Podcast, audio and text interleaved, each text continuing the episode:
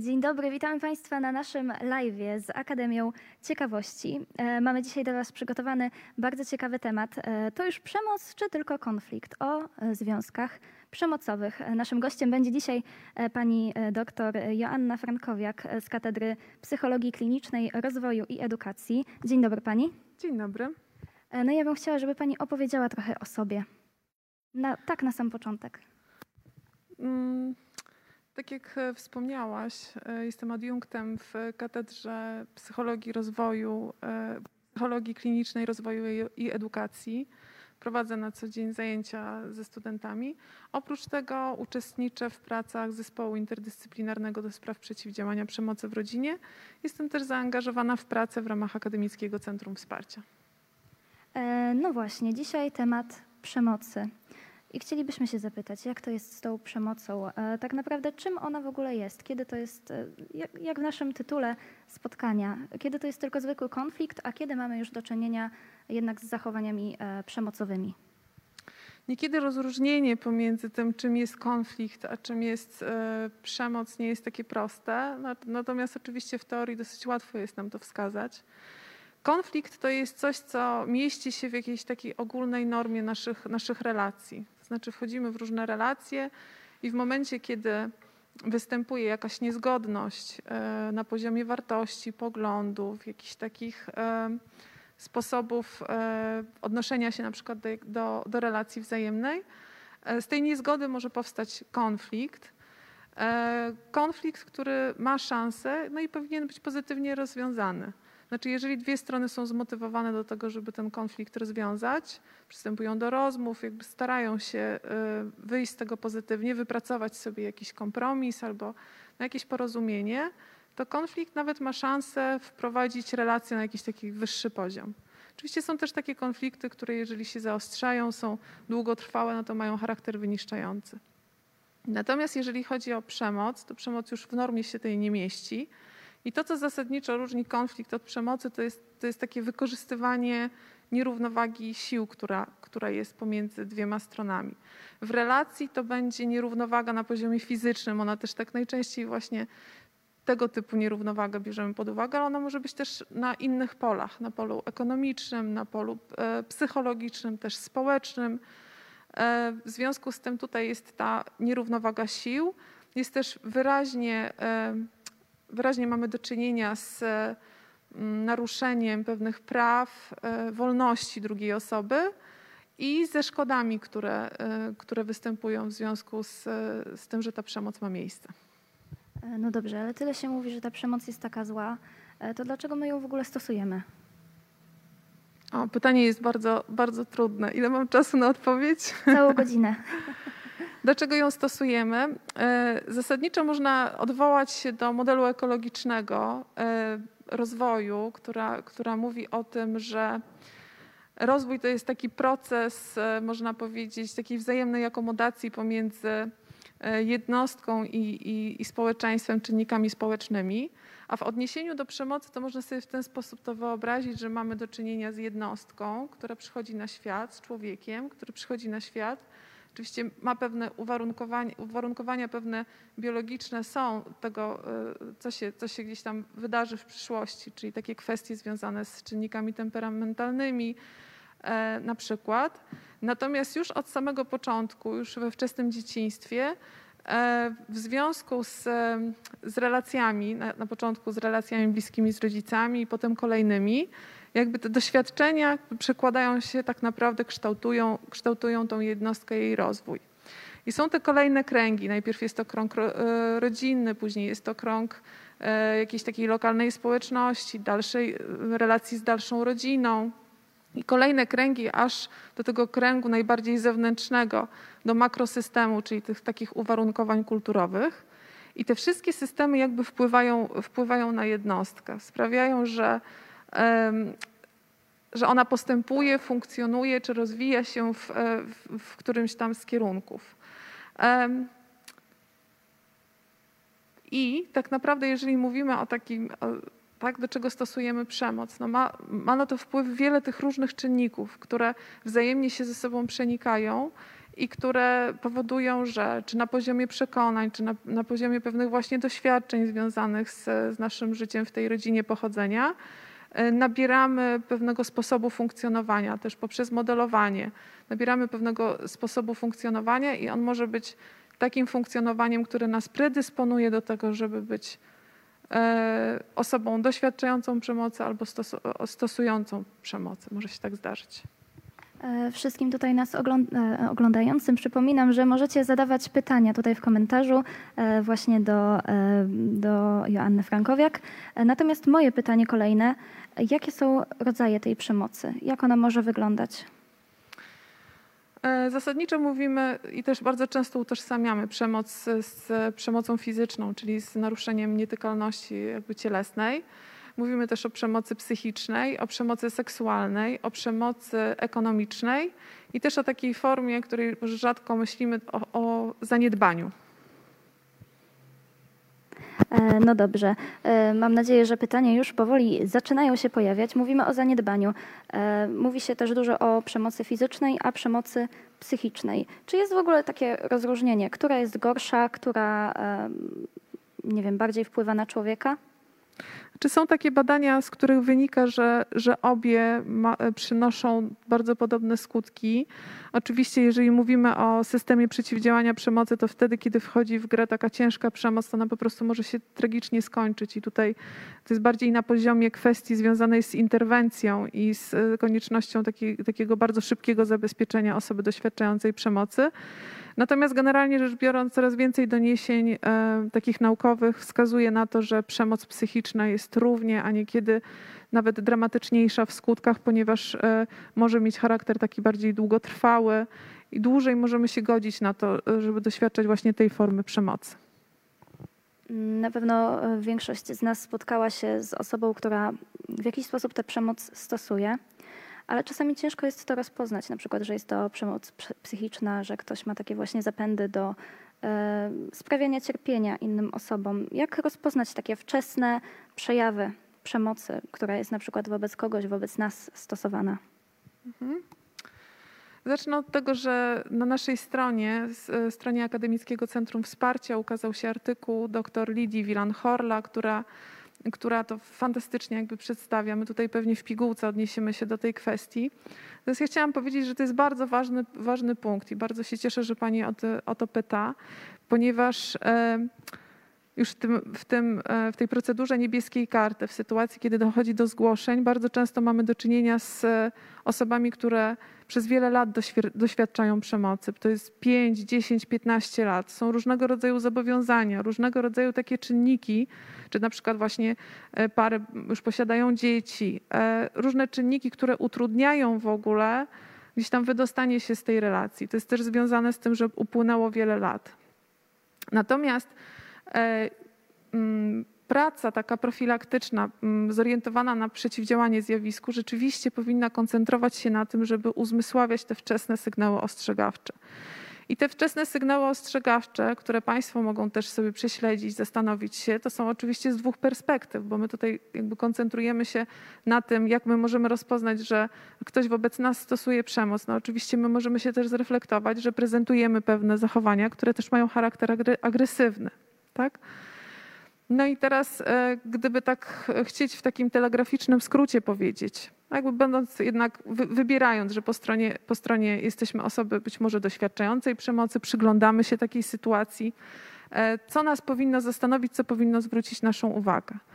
Pierwszą rzeczą to powinno być to, że e, być może jest taka sytuacja, że w tej relacji podejmujemy, nie podejmujemy zbyt wielu decyzji, które dotyczą nas samych i, i tej całej relacji. Być może tu jest taka dysproporcja. Może też tak być, że tak na to się zgadzamy, to jest inna sytuacja, ale możemy też zauważyć, że może niekoniecznie, że jest jakaś presja ze strony partnera, która powoduje, że jakby nie pyta nas o zdanie, nie pyta nas o kwestie. Yy, czy o decyzje w takich, w takich kwestiach, które dotyczą też nas. Inna rzecz to jest na przykład narzucanie nam e, e, zrobienia czegoś, zachowania się w jakiś określony sposób. Jeszcze jedną rzeczą, jednym takim czynnikiem, który jest bardzo charakterystyczny, to jest próba odizolowania nas od, e, od naszych znajomych, od rodziny, To jest taka sytuacja, gdzie partner albo partnerka próbuje zadecydować, z kim mamy się kontaktować, z kim nie mamy się kontaktować, ale bardziej w tą stronę, z kim się nie mamy kontaktować. I generalnie zawęża się ta grupa osób, z którymi, z którymi mamy kontakt. Izolacja jest w ogóle taką, można powiedzieć w cudzysłowie, przyjaciółką przemocy. No i też w kontekście pandemii jakby widzimy, że izolacja też się wpisuje troszeczkę w, w ten nasz krajobraz i ona niestety w związku z tym sprzyja e, jakby takim e, eskalacji tej e, sytuacji przemocowych w relacjach. Co jeszcze? No może być też tak, że nasz partner albo partnerka zachowuje się w sposób taki niepożądany, gdzieś taki, który wzbudza nasze wątpliwości. Być może często wpada w złość, być może zniszczył jakiś nasz przedmiot albo E, albo e, no, jakby prezentuje różne takie zachowania, które nam się nie bardzo podobają, ale uzasadnia je za każdym razem. A już takim bardzo charakterystycznym, już może nie wiem, czy to jest wczesny, wczesny sygnał, czy już nawet niewczesny, to jest to, że wzbudza naszą win, y, nasze poczucie winy, czyli że to jest nasza wina, że, że, że ten partner się w taki sposób wobec nas zachował. To jest coś, co powinno zwracać naszą uwagę. No i myślę, że to w takim, w takim ogromnym skrócie. Natomiast jeżeli y, mówimy o wczesnych sygnałach ostrzegawczych, co my możemy u siebie zaobserwować, to rzeczywiście taka sytuacja, w której jakby mocno zastanawiamy się e, nad sposobem komunikowania się. Znaczy tak mm, nie z szacunku do, do tej drugiej osoby, ale być może z obawy o reakcję na to, co powiemy.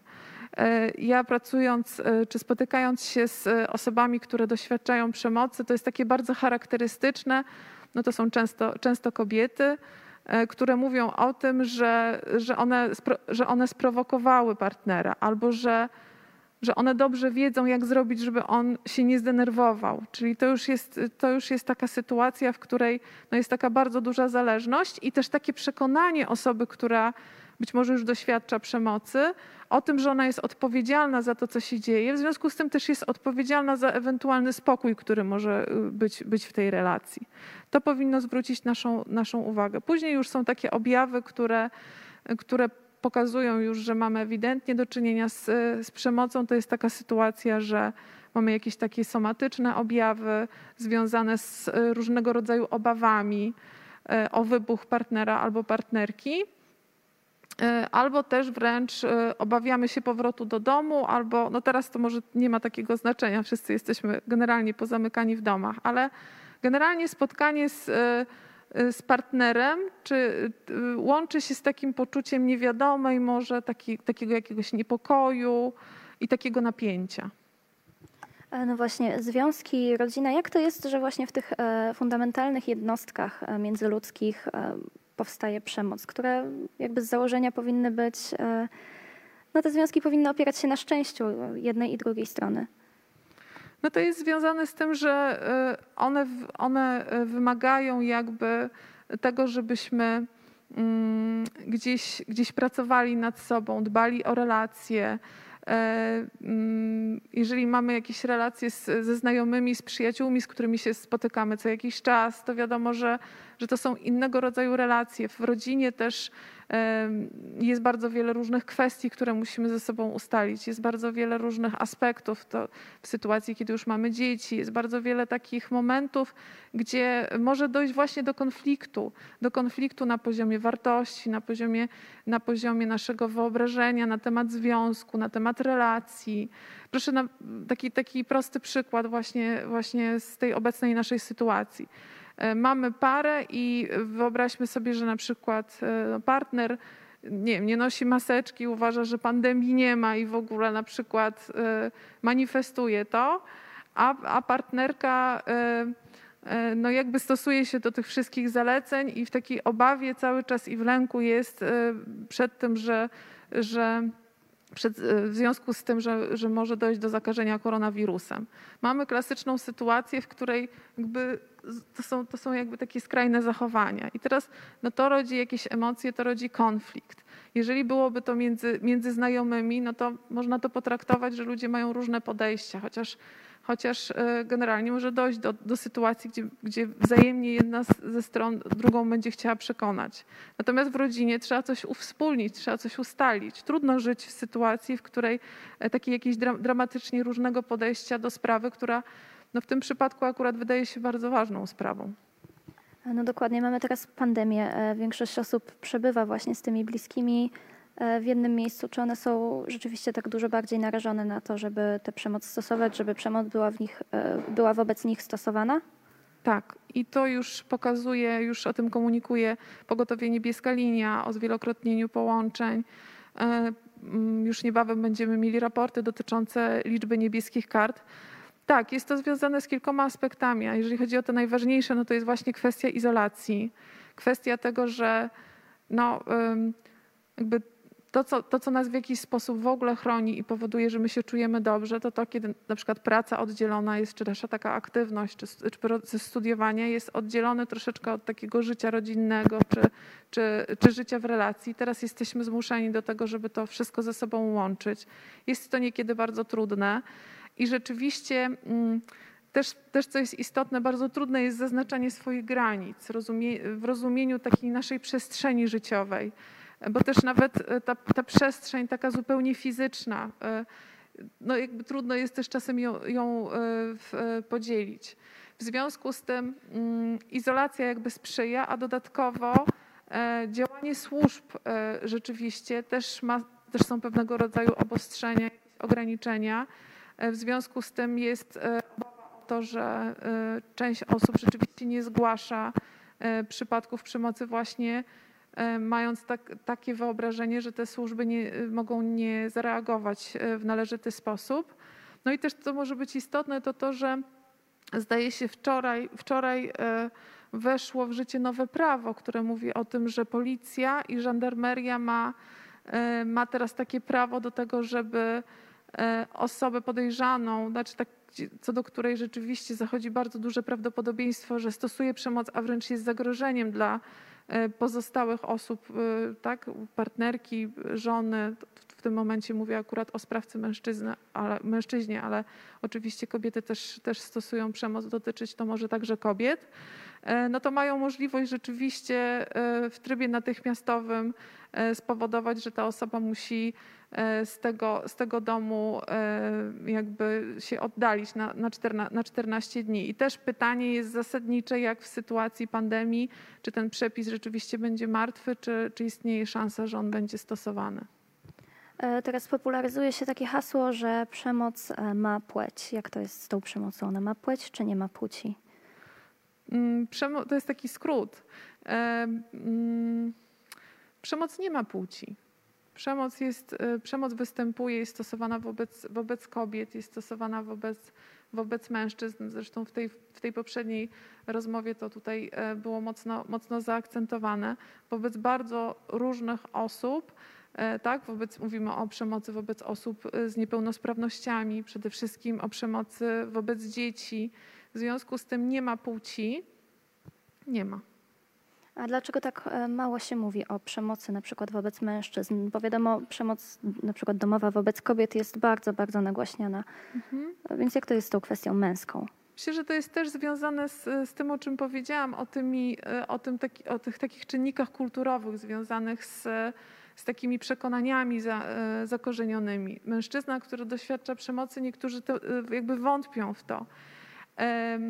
Poza tym stereotyp e, mężczyzny to, to jest stereotyp, który wskazuje na to, że mężczyzna e, no jakby jest silny, to, to on właśnie jest e, postrzegany jako ten sprawca i rzeczywiście z różnych względów często ma tą przewagę. To też trzeba jasno podkreślić, bo mężczyźni zarabiają ciągle więcej, czyli tutaj jest nierównowaga ekonomiczna, którą można próbować wykorzystywać. Są zazwyczaj, mają przewagę fizyczną, w związku z tym gros y, niebieskich kart i sytuacji y, przemocowych to jest przemoc właśnie mężczyzn y, w stosunku do kobiet.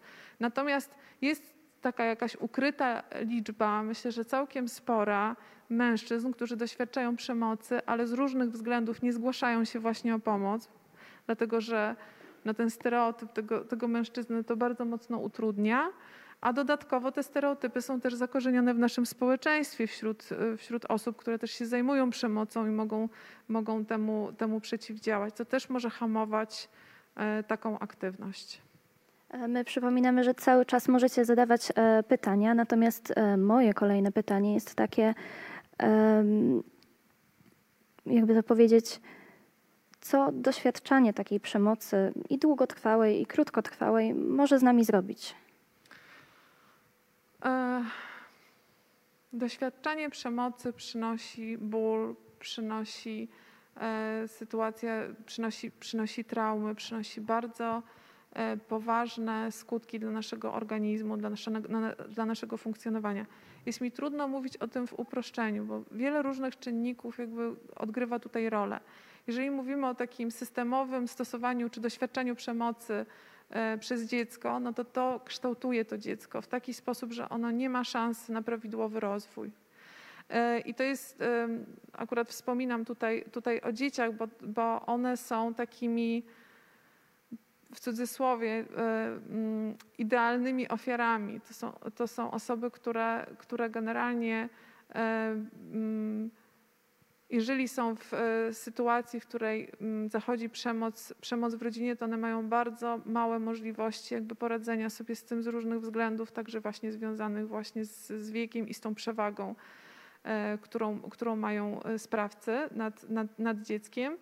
I to są różne, różne takie aspekty związane, jeżeli chodzi o skutki, skutki psychiczne, skutki, skutki fizyczne, Y, od takich, które polegają na tym, że, że to powoduje zaniżenie poczucia własnej wartości, jakiejś niemocy, po jakieś problemy takie w, w zdrowiu, w, też w e, problemy o charakterze właśnie somatycznym, aż po takie bardzo radykalne e, sytuacje, jak e, jakby mm, mm, popadanie w depresję, w takie stany, stany związane z myślami czy zachowaniami suicydalnymi.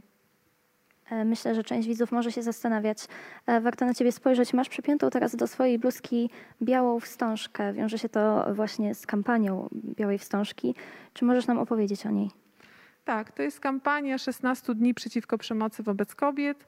To jest kampania, która jest realizowana na przełomie listopada i grudnia e, i jakby identyfikuje się z przekazem, z celami tej akcji, ale też uniwersytet bierze udział w, w rozpropagowywaniu e, celów, celów tej kampanii. Mowa jest o 16 e, dni przeciwko przemocy wobec kobiet. Akurat na tym e, koncentruje się ta kampania. I ja mam przypiętą białą wstążkę, ale białą wstążkę przypięli sobie niemal 30 lat temu po raz pierwszy mężczyźni i to jest w ogóle akcja mężczyzn, którzy manifestują swój sprzeciw wobec wobec właśnie przemocy e, stosowanej na kobietach i podejmują różnego rodzaju działania, które są zorientowane na, e, na właśnie zmianę tej, tej istniejącej sytuacji. No właśnie, działania. Jak można przeciwdziałać przemocy? O, mam wrażenie, że z każdym pytaniem jakby coraz bardziej moja głowa pracuje w kierunku tego, żeby rzeczywiście taką esencję wyciągnąć, bo tutaj znowu jakby wkraczamy w taki bardzo duży obszar. Ja mogę powiedzieć, jak Akademickie Centrum Wsparcia w tym roku, e, jak, e, jak my odnosimy się do tej kampanii. E, mianowicie od, od dzisiaj, tak, od 1 grudnia do, do 10 grudnia zaplanowaliśmy takie, takie dyżury, w ramach których e, można się konsultować e, w obszarze właśnie szeroko pojętej przemocy. Można, można zadawać pytania, można uzyskać wsparcie w tym obszarze. Oczywiście nie tylko w te 10 dni, ale rzeczywiście ta kampania powoduje, że, że my się skupiamy na, na tej kwestii, rozmawiamy chociażby, chociażby teraz na ten temat. W związku z tym te dyżury rzeczywiście są pod takim hasłem e, mm, wspierania kampanii Białej Wstążki. Oprócz tego 9 grudnia e, realizowane będą właśnie e, warsztaty dotyczące wczesnych sygnałów ostrzegawczych. I też może wspomnę, że już jest komplet, znaczy, że wszystkie miejsca są już zajęte, natomiast mamy listę osób, osób rezerwowych i jakby planujemy realizację mm, takich warsztatów także w przyszłym roku, więc wszystkich chętnych e, do tego zapraszamy. Gdybym ja miała jeszcze wskazać takie, mm, takie działania, które sprzyjają, no to jest w ogóle, to są wszelkiego rodzaju działania, które są zorientowane na wzmacnianie systemu przeciwdziałania przemocy. Systemu, e, który działa w oparciu o procedurę niebieskiej karty i angażuje bardzo wiele służb do tego, żeby interweniować w sytuacji, w której jest podejrzenie, że mamy do czynienia z przemocą. Więc to jest na pewno to. I takim bardzo dużym obszarem, który jest istotny z punktu widzenia przeciwdziałania przemocy, to jest rzeczywiście roz, rozprawianie się z różnego rodzaju stereotypami, uproszczeniami. Tak jak dzisiaj zapytałaś mnie, e, czy, czy przemoc ma płeć, no to rozmawiamy o tym, że przemocy doświadczają osoby niezależnie od płci i to jest już profilaktyka e, przemocy. E, no właśnie, dokładnie tak. Nadal e, czekamy na jeszcze więcej Waszych pytań. E, a jeśli czujemy się, czujemy, że to my może w jakiś sposób mamy z tym problem, ze stosowaniem przemocy, może niektóre osoby tego nie kontrolują, co my możemy w tym temacie zrobić? No to jeżeli, e, jeżeli mamy takie podejrzenie, to też możemy się zgłosić o wsparcie. To też jest bardzo ważne, żeby o tym powiedzieć, że wsparcie możemy się zgłosić w sytuacji, kiedy doświadczamy albo mamy podejrzenie, że doświadczamy przemocy. Natomiast rzeczywiście osoby, które stosują przemoc, które mają problemy z panowaniem nad emocjami, które są agresywne, a rzeczywiście też jakby wyczerpują też tą w swoim zachowaniu tą, tą definicję przemocy, mogą pracować nad sobą i to może być e, praca taka indywidualna, ale też może być to praca, e, e, jakby skorzystanie z takich programów korekcyjno-edukacyjnych, które są realizowane także w Olsztynie, ale w ogóle w całym kraju które są adresowane do osób, które stosują przemoc. To, takie, to są takie grupowe, grupowe warsztaty wielotygodniowe, które zmierzają do tego, żeby troszeczkę przeorientować swój sposób funkcjonowania i, i też popracować nad, nad, nad sobą w tym, w tym kontekście. Przestajemy stosować przemoc. Przede wszystkim, jakie zmiany w nas zachodzą? Kiedy przestajemy stosować Dokładnie. przemoc? Znaczy, zasadnicza rzecz jest taka, że ja jeszcze nie spotkałam osoby, która stosuje przemoc i jest z tego zadowolona. W związku z tym też trzeba podkreślić, że pomimo, że to jest takie jakieś mm, stosowanie przemocy komuś służy do tego, żeby osiągać jakieś cele, to generalnie to jest po prostu degradujące zarówno dla osób, które e, które doświadczają tej przemocy, jak i dla samego sprawcy czy sprawczyni. E, w związku z tym to jest jakiś rodzaj, rodzaj też uwolnienia się od, od czegoś, co co nie jest, co nie jest e, sprzyjające rozwojowi, co nie jest sprzyjające przecież nawiązywaniu relacji, co, nie, co blokuje tak, takim, taką, takie pełne funkcjonowanie, można by było powiedzieć.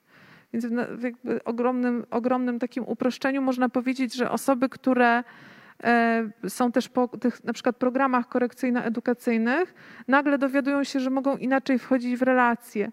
Nagle na przykład dostrzegają, że no, stosowały przemoc, tak zostały w jakiś sposób nauczone, tak, tak w rodzinie e, się do siebie ludzie zwracali, tak, tak e, sami, sami doświadczali tej przemocy, żyli w jakimś schemacie zachowań i w pewnym momencie widzą, że jest jakieś wyjście po prostu z tej sytuacji i można zachowywać się po prostu w inny sposób. I to jest szansa po prostu na to, żeby zafunkcjonować w sposób, który, który, który umożliwia jakby pełniejsze odbieranie, odbieranie rzeczywistości, jakiś taki rozwój właśnie pełnie.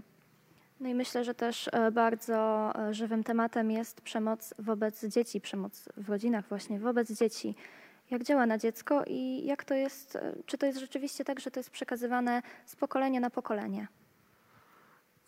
Tak, to znaczy, jeżeli chodzi o, o, te skutki, to ja pewnie już trochę o, ni, o, nich sobie już powiedzieliśmy. Natomiast jeżeli chodzi o przekazywanie, to e, nie jest to jak jeden do jednego. To znaczy, jeżeli doświadczaliśmy przemocy w dzieciństwie, nie oznacza, że będziemy, e, że będziemy sprawcami, czy że będziemy jej, e, jej doświadczać w, w, w tej relacji już intymnej, partnerskiej, małżeńskiej. Natomiast rzeczywiście to jest czynnik ryzyka, absolutnie to jest czynnik ryzyka i osoby, które doświadczały takich bardzo, e, no też przemoc jest w jakiś sposób stopniowalna.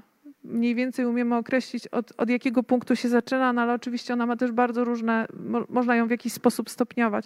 Rzeczywiście osoby, które doświadczały tych najbardziej e, dramatycznych form, w tym na przykład znęcania się, no to u nich ryzyko, ryzyko tego, że, że będą uwikłani w przemoc w dorosłym życiu jest, jest znacznie wyższe. E, czy taka resocjalizacja e, pokazuje, że rzeczywiście walczymy z przemocą i że osoby, które miały problem i zgłosiły się, czy to po prostu działa? Czy, czy są skłonności do tego, żeby jednak wracać do tych swoich zachowań? No to wszystko jest kwestia jakby indywidualna.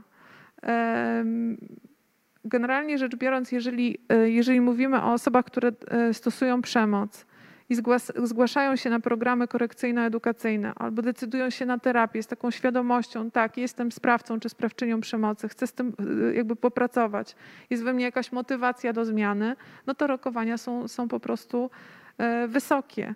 Ale oczywiście jest to proces długotrwały. Znaczy, to też jest pochodna tego, jak długo byliśmy, w, te, czy te osoby były w roli, w roli sprawcy. To też jakby y, mm, to też jakby mm, daje nam e, obraz tego, że jeżeli ktoś stosował przemoc przez, przez 10-15 lat, no to też więcej musi włożyć energii e, w to, żeby po prostu przepracować sobie ten swój styl funkcjonowania, który jest taki utrwalony. No dokładnie. Czy krzywdzenie jakby osób bliskich wpływa na to, że mamy potem większe problemy w nawiązywaniu takich właśnie bliskich relacji? To tak, oczywiście, że tak.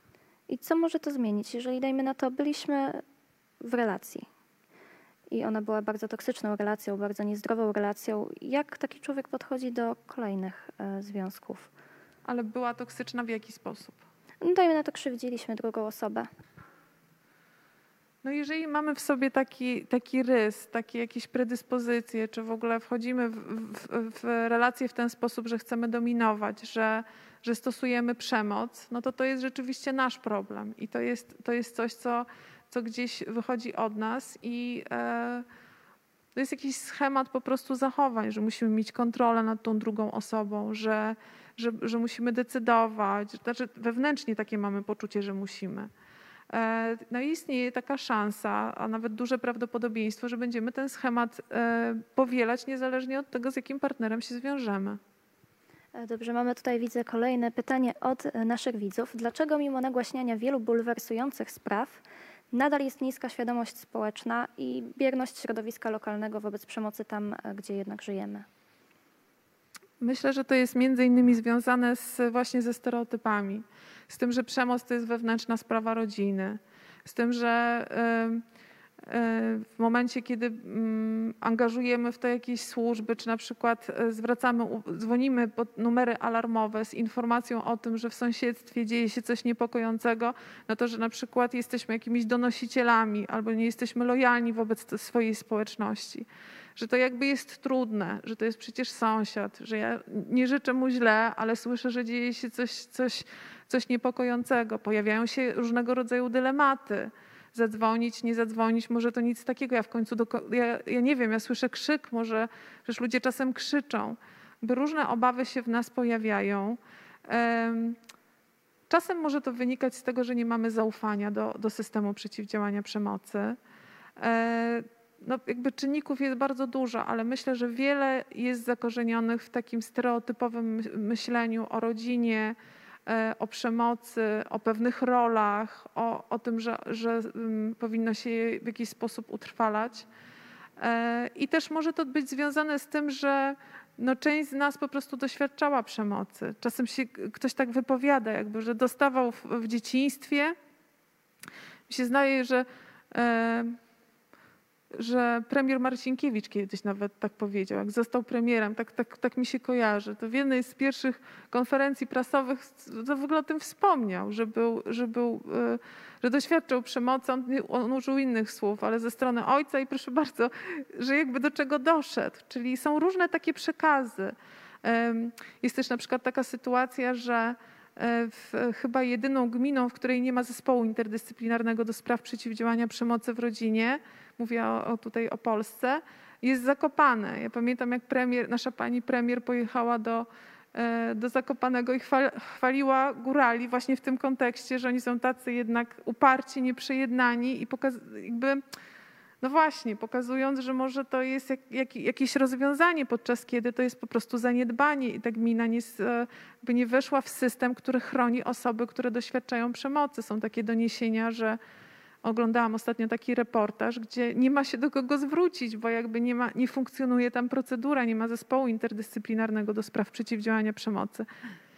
Co jeszcze? No, z badań wynika, że około 40% y, Polaków y, dorosłych dopuszcza stosowanie kar cielesnych wobec, y, wobec dzieci. Czyli że są, uważa, że są takie sytuacje, gdzie uzasadnione jest zastosowanie kar cielesnych. No to jest bardzo duża liczba i ona też pokazuje, że my nie do końca gdzieś społecznie mamy taką pewność, że, że pewne zachowania po prostu powinny zostać wyeliminowane. I kolejny temat na czasie cyberprzemoc. Przemoc w internecie. Jak to jest, że tak łatwo jest nam krzywdzić ludzi, których nie znamy, nie widzimy, że krzywdzimy ich na odległość? Ja bym powiedziała, że niełatwo. Może niełatwo i większości z nas niełatwo. To jak to jest, że tak. aż tak, taki jest odsetek? Tak dużo się o tym mówi, że ta cyberprzemoc, że ten hejt istnieje. Mhm. No to jest to poczucie anonimowości oczywiście, tak? Się mówi o takim efekcie kabiny pilota, że jak myśliwca, że jak jest, jest, są jakieś działania wojenne i pilot e, myśliwca ma zbombardować miasto, to nie widzi dramatów tych, tych ludzi, którzy, którzy właśnie giną, tak? To jest takie dramatyczne e, porównanie, ale to jest też takie pojęcie, które funkcjonuje w literaturze naukowej do, do opisu właśnie jakby etiologii e, cyberprzemocy. No i trochę może tak być właśnie w sytuacji, kiedy kiedy mm, ktoś atakuje e, jakieś konkretne osoby, bądź, bądź w ogóle po prostu osoby, których, których, e, których nie zna, e, z takim właśnie poczuciem, że, że nie do końca wie, jakie to może mieć skutki. Inną przyczyną jest oczywiście generalnie frustracja. Myślę, że w kontekście pandemii ta frustracja narasta, z różnych względów się pojawia, wzmaga, wiele osób traci pracę, czuje jakąś taką niemoc zupełną, e, pojawia się niepokój o to, co wydarzy się w, e, w przyszłości i jakby jest, e, jest mało takich możliwości, żeby sobie z tą frustracją poradzić. Myślę, że także cyberprzemoc będzie narastać, a już w ogóle biorąc pod uwagę, że przeszliśmy na tryb zdalny, a cyberprzemoc to jest też taki ważny problem w relacjach rówieśniczych, no to należy się spodziewać, że właśnie ona będzie bardzo mocno wzrastać w związku z tym, że e, dzieci w szkołach się nie widują, a mają kontakt za pośrednictwem różnych aplikacji e, w, e, właśnie w cyberprzestrzeni. Wyszedł temat dzieci i kolejne pytanie. Pytanie na temat bezstresowego wychowania. W cudzysłowie tutaj mamy. Co myślisz na ten temat? No coś takiego nie, bezstresowego wychowania nie ma. To, to jest taki często argument osób, które dyskutują na temat tego, że kary cielesne to może tak zwane klapsy, tak? bo jest jeszcze takie rozróżnienie, że klaps to jest w porządku, a kara cielesna to już jest takie bicie. Jest bicie a czy to jest istotne w ogóle rozróżnienie? Znaczy to jest rozróżnienie, które y, nie ma racji bytu, to znaczy dawanie klapsów jest też zagrożone w ogóle, w ogóle tutaj karnie i, i jest przestępstwem, w związku z tym w ogóle nie ma wątpliwości y, co do tego, że, że takiego rozróżnienia nie ma. Ale ponieważ, tak jak powiedziałam, 40% 40% e, dorosłych Polaków, co prawda to są badania sprzed y, kilku lat, może trochę mniej, mam nadzieję, że mniej, E, jeżeli my dopuszczamy stosowanie tych kar, to musimy sobie jakoś uargumentować dlaczego. I ja czasem słyszę taki właśnie argument, że e, no jasne, bo tutaj jeżeli nie, to, to, że, to, że e, po drugiej stronie są osoby, które, które optują za bezstresowym wychowaniem, no to, to nie, no to jakby to, to nie ma racji bytu. Nie wiem, czy osoba pytająca, bo rozumiem, że to jest pytanie, czy pytała właśnie w, w tym kontekście. E, jeżeli tak, no to jakby stres towarzyszy e, wychowaniu, procesowi rozwoju i w ogóle socjalizacji. Natomiast ten stres, który wy, e, wywołuje opiekun, jest stresem, który, który nie, jest, nie jest pożądany i w żaden sposób nie jest konstruktywny. No właśnie, kiedy to jest stres, a kiedy to już jest przemoc wobec dziecka? Nie tylko fizyczna, bo przecież przemoc może być fizyczna, nie wiem, jakiś szantaż emocjonalny, coś takiego. Kiedy, to, kiedy jest ta granica, że rodzic powinien wiedzieć, że, że ją przekroczył? No to jest wtedy, kiedy spełnione są te, e, te cechy, o których, o których powiedziałam, czyli to się łączy z naruszeniem pewnych, e, pewnych e, praw, wolności dziecka, e, dochodzi, dochodzi do krzywdy, a dochodzi, bo jeżeli mamy, mamy do czynienia z, e, z jakimiś różnymi przejawami takiej, takiej agresji stosowanej wobec, wobec dzieci, no to to jest naruszające, szczególnie jeżeli ma to miejsce na, na linii rodzic, rodzic-dziecko. O, przewa- o przewadze no to, to nawet nie ma o czym, o czym mówić, bo ona jest jakby ewidentna i o intencjonalności również. Więc jakby tutaj e, myślę, że właśnie jeżeli chodzi, chodzi o dzieci, to, to tutaj e, odpowiedź jest, jest, jest dużo często prostsza do, do określenia właśnie ze względu na tą nierównowagę i tą przewagę, przewagę e, sił. No, dużo rodziców mówi, że to jest jednak, dają takie argumenty, to jest moje dziecko, ja go urodziłem, ja go urodziłam, u mnie mieszka. No i jak to, jak to właśnie wygląda? Czy to jest rzeczywiście tak, że, że to jest nasze dziecko i mamy do niego prawo? No nie jest przedmiotem po prostu. Znaczy wszystko się zgadza, rodzimy, czy tam jakby wychowujemy, e, ale to nie jest żaden argument, ponieważ jest to odrębna jednostka również, niezależnie od tego, że jest to, że jest to nasze dziecko i ma swoje prawa, które wynikają z konwencji, ale też, też od takich ogólnych norm społecznych. I rzeczywiście mówienie o dziecku jako o własności, o tym, że ja mam prawo wychowywać tak, jak chcę, no to do tej pory nawet pojawiają się takie argumenty, a jeszcze raz przypomnę, na przykład stosowanie kar cielesnych, w tym tak zwanych klapsów, jest zagrożonych e, prawnie, ale ciągle jednak toczą się dyskusje, dlaczego państwo staje w, e, w sytuacji, w której chce decydować o stylu, o stylu wychowania dzieci. Mm, mam takie kontrowersyjne pytanie. Jeżeli będzie zbyt kontrowersyjne, to mam nadzieję, że mi, e, że mi przerwiesz, powiesz, że nie będziesz na nie odpowiadać, ale właśnie e, religia, a wychowanie dziecka. Kiedy, kiedy słyszymy, że na przykład e, dziecko odmawia, mm, wiadomo, że w Polsce chrześcijaństwo jest najbardziej popularną religią, kiedy dziecko odmawia, rodzicom mówi, że na przykład nie wierzy i tak dalej, to jak to jest? No, to odmawia, ale gdybyś mogła doprecyzować e, pytanie. Reakcje rodziców są różne mhm. e, na ten temat. Czy dziecko e, ma do tego prawo? Jak zareagować w takiej sytuacji, żeby może nie zmuszać, a z drugiej strony e, wpływać na dziecko? Bo przede wszystkim mówi się o tym, że rodzice mają prawo do wychowywania we własnej wierze i to jest ich główny argument. Mhm. I przez to powstają właśnie konflikty i przez to też myślę, że rodzi się w wielu polskich domach przemoc. Mamy teraz bardzo duży rozłam w rodzinach, e, bardzo często spowodowany kwestiami ideologicznymi.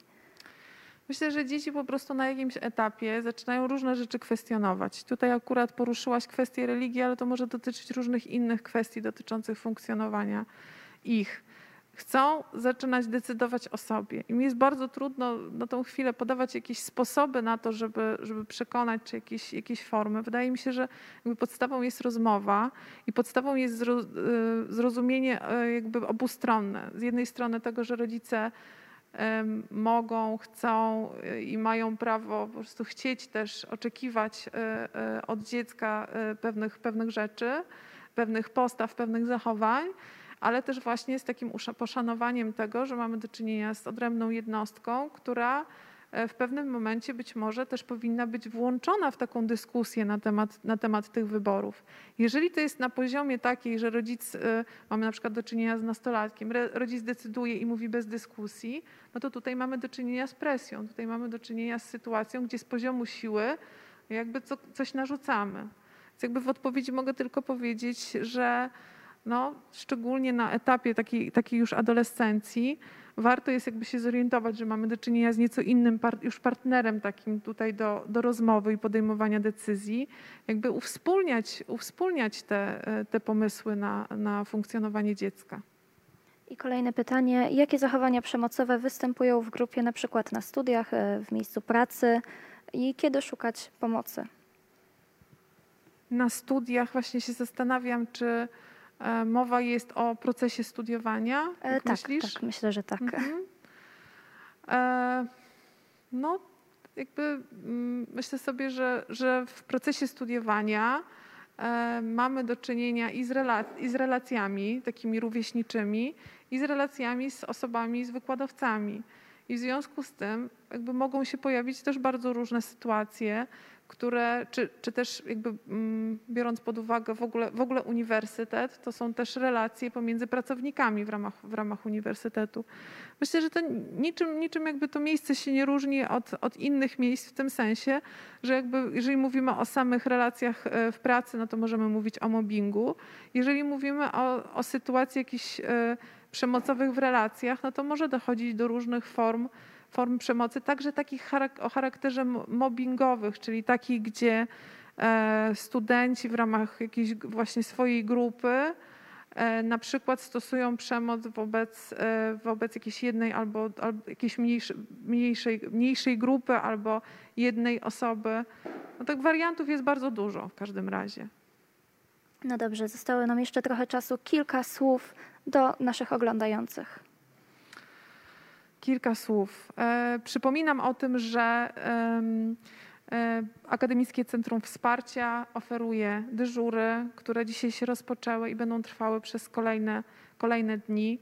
Na naszych, e, w naszych mediach, na Facebooku dostępne są informacje szczegółowe. Także można zatelefonować do Akademickiego Centrum Wsparcia, żeby otrzymać jakieś szczegółowe informacje na ten temat. E, przypominam o tym, że można też korzystać z warsztatów e, nie tylko, znaczy tutaj dzisiaj mówimy o, o kontekście takim przemocy, ale, ale też są różne inne warsztaty, do których serdecznie zapraszamy, do tego, żeby pamiętać o tym, że Akademickie Centrum Wsparcia zajmuje się wsparciem takim szeroko pojętym. Pracujemy w bardzo różnych obszarach. Mamy wspaniały zespół specjalistów, którzy, e, którzy na co dzień, jakby w tym momencie, ponieważ mamy pandemię w trybie zdalnym, ale, ale służą tutaj pomocą i wsparciem e, adresowanym do studentów, studentek, także pracowników naszego uniwersytetu.